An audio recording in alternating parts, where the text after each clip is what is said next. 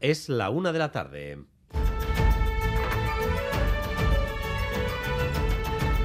Crónica de Euskadi con Dani Álvarez. A Rachaldeón, la campaña de Semana Santa acelera la creación de empleo en Euskadi y se logra un máximo de trabajadores no visto desde, de- desde diciembre de 2008. Hay menos de 110.000 parados y estamos apenas a 5.000 afiliados del millón de trabajadores en activo. Los datos son históricos y reflejan un momento dulce para el empleo a pesar de todas las dificultades que afronta la economía ahora mismo. Rodrigo Manero. Sí, ni guerra, ni inflación, ni crisis bancaria, el empleo resiste y marzo se cierra con 6.500 cotizantes más en Euskadi, que elevan el total a casi 995.000. Esto es un nuevo récord histórico y nos sitúa muy cerca del millón de cotizantes, un hito que si se mantiene la tendencia podría llegar en mayo. Los sectores que más ocupación ganan son hostelería, actividades sanitarias y sociales, educación, industria y comercio, y el número total de parados es el más bajo desde finales de 2008. Todo ello justo cuando se cumple un año de la reforma laboral. Hoy precisamente se aprueba en el Consejo de Gobierno la Ley Vasca de Empleo y hoy también empieza oficialmente la precampaña electoral con el decreto de elecciones del próximo 28 de mayo, el decreto que se publica en el boletín oficial. En un instante escuchamos a los partidos que ya han fotografiado a sus candidatos y candidatas sonrientes para la cartelería y las redes sociales. Antes, el panorama internacional marca una nueva línea, una nueva frontera entre Rusia y Europa. Finlandia es desde hoy miembro de la OTAN y Rusia ya advierte de que esta ampliación tendrá consecuencias. Óscar Pérez. Cuando se haga efectiva esta tarde la entrada de Finlandia, las fronteras de la OTAN con Rusia se van a duplicar. El ministro de Defensa ruso y el portavoz del Kremlin han asegurado que tendrán que tomar medidas tácticas y estratégicas. Aseguran que es una intrusión en su seguridad e intereses. De momento, sin embargo, el secretario general de la OTAN ha afirmado que no está previsto a corto plazo el despliegue de tropas en Finlandia, salvo que su gobierno lo solicite. Se caldean los ánimos entre la comunidad pesquera de Santander tras el naufragio mortal de ayer. Familiares y amigos consideran que no se está haciendo lo suficiente por buscar al mariner- al marinero desaparecido. Señor Revilla, venga aquí. No se quiere asomar. Que se ha quedado dormido. Necesito encontrar y pido a las autoridades, por favor, que busquen a mi padre y no paren de buscar a mi padre. Al presidente Revilla, si está por aquí, por favor, que haga todo lo posible para que busque a mi padre. Natalia Díaz, las autoridades han tenido que escuchar reproches llenos de rabia.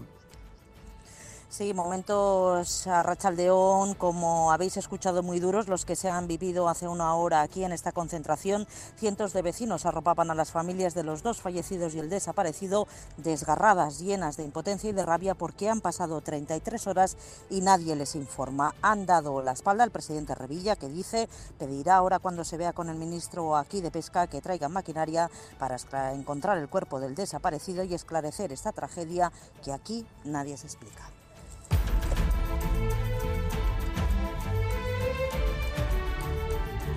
Y en Nueva York, Donald Trump está a punto de comparecer ante el juez.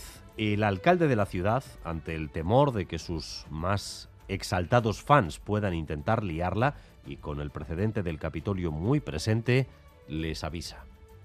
While there may be some rabble rousers thinking about coming to our city tomorrow, our message is clear and simple. Control yourselves.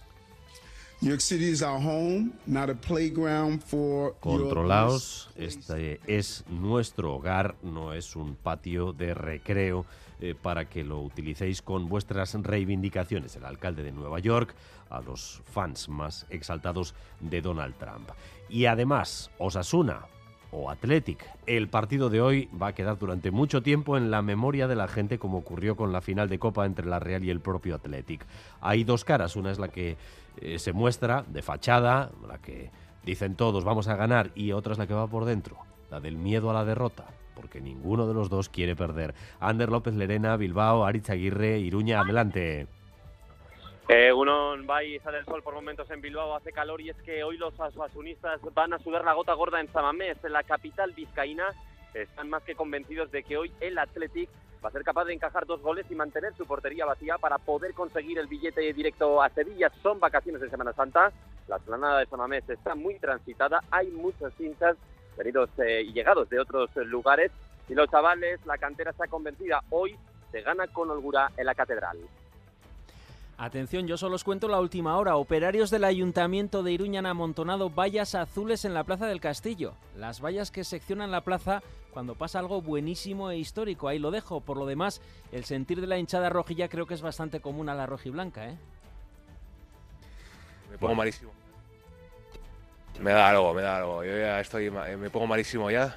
Y la afición roja que se divide en dos frentes, los de ojo que si nos confiamos somos muy malos, hay que meter el autobús hasta dentro de San Mamés. Controlar el partido atrás y ellos van a atacar, entonces luego pues esperar un poco alguna contra de Abde. Y los que dicen, no, no, arriba con todo, hay que llegar a la final tomando la catedral. A mí me da miedo que se echen atrás, aguantar el resultado. Aunque jueguen al contraataque, pero sin echarse muy atrás. O sea, tendrán que presionar alto y eso. O metemos o eliminados. Sensación de hacer historia a tres meses del 6 de julio de tirar hoy el chupinazo. Pon, pon las vallas, pon las vallas, Aritz, no te vengas todavía arriba.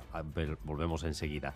El partido, sin duda, eh, y también la etapa de la Itzulia, Álvaro Fernández Cadierno, Arracha León. Hola, Arracha León, con ese billete para la final, como decían los compañeros, eh, un gol de ventaja para los rojiosos. Es una que ahora mismo viaja hacia Bilbao, donde tiene previsto llegar a eso de la una y media, con ese golito de ventaja que quieren compensar los Leones en un entregado San Mamés. 9 de la noche, 8 y media, aquí en Radio Euskadi, también partido que se puede ver en ETV1. Y por supuesto, protagonismo para la Ichulia, segunda etapa, ya en marcha, Viana Leitza.